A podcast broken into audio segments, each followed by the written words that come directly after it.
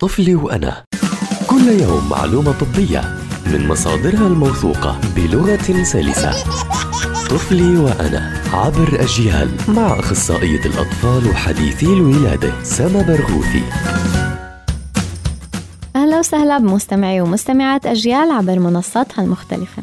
حسب التوصيات العالمية ما منفضل نستخدم المخدة للطفل تحت عمر السنتين. منفضل إنه ينام على فرشة عليها غطا فرشة مشدود وبعد السنتين ممكن نستخدم المخدة. وهذا عشان نحمي الطفل من الموت المفاجئ عند الرضاع استنوني بحلقة جديدة من طفلي وأنا حتى نحكي عن أمور بتتعلق بصحة الطفل.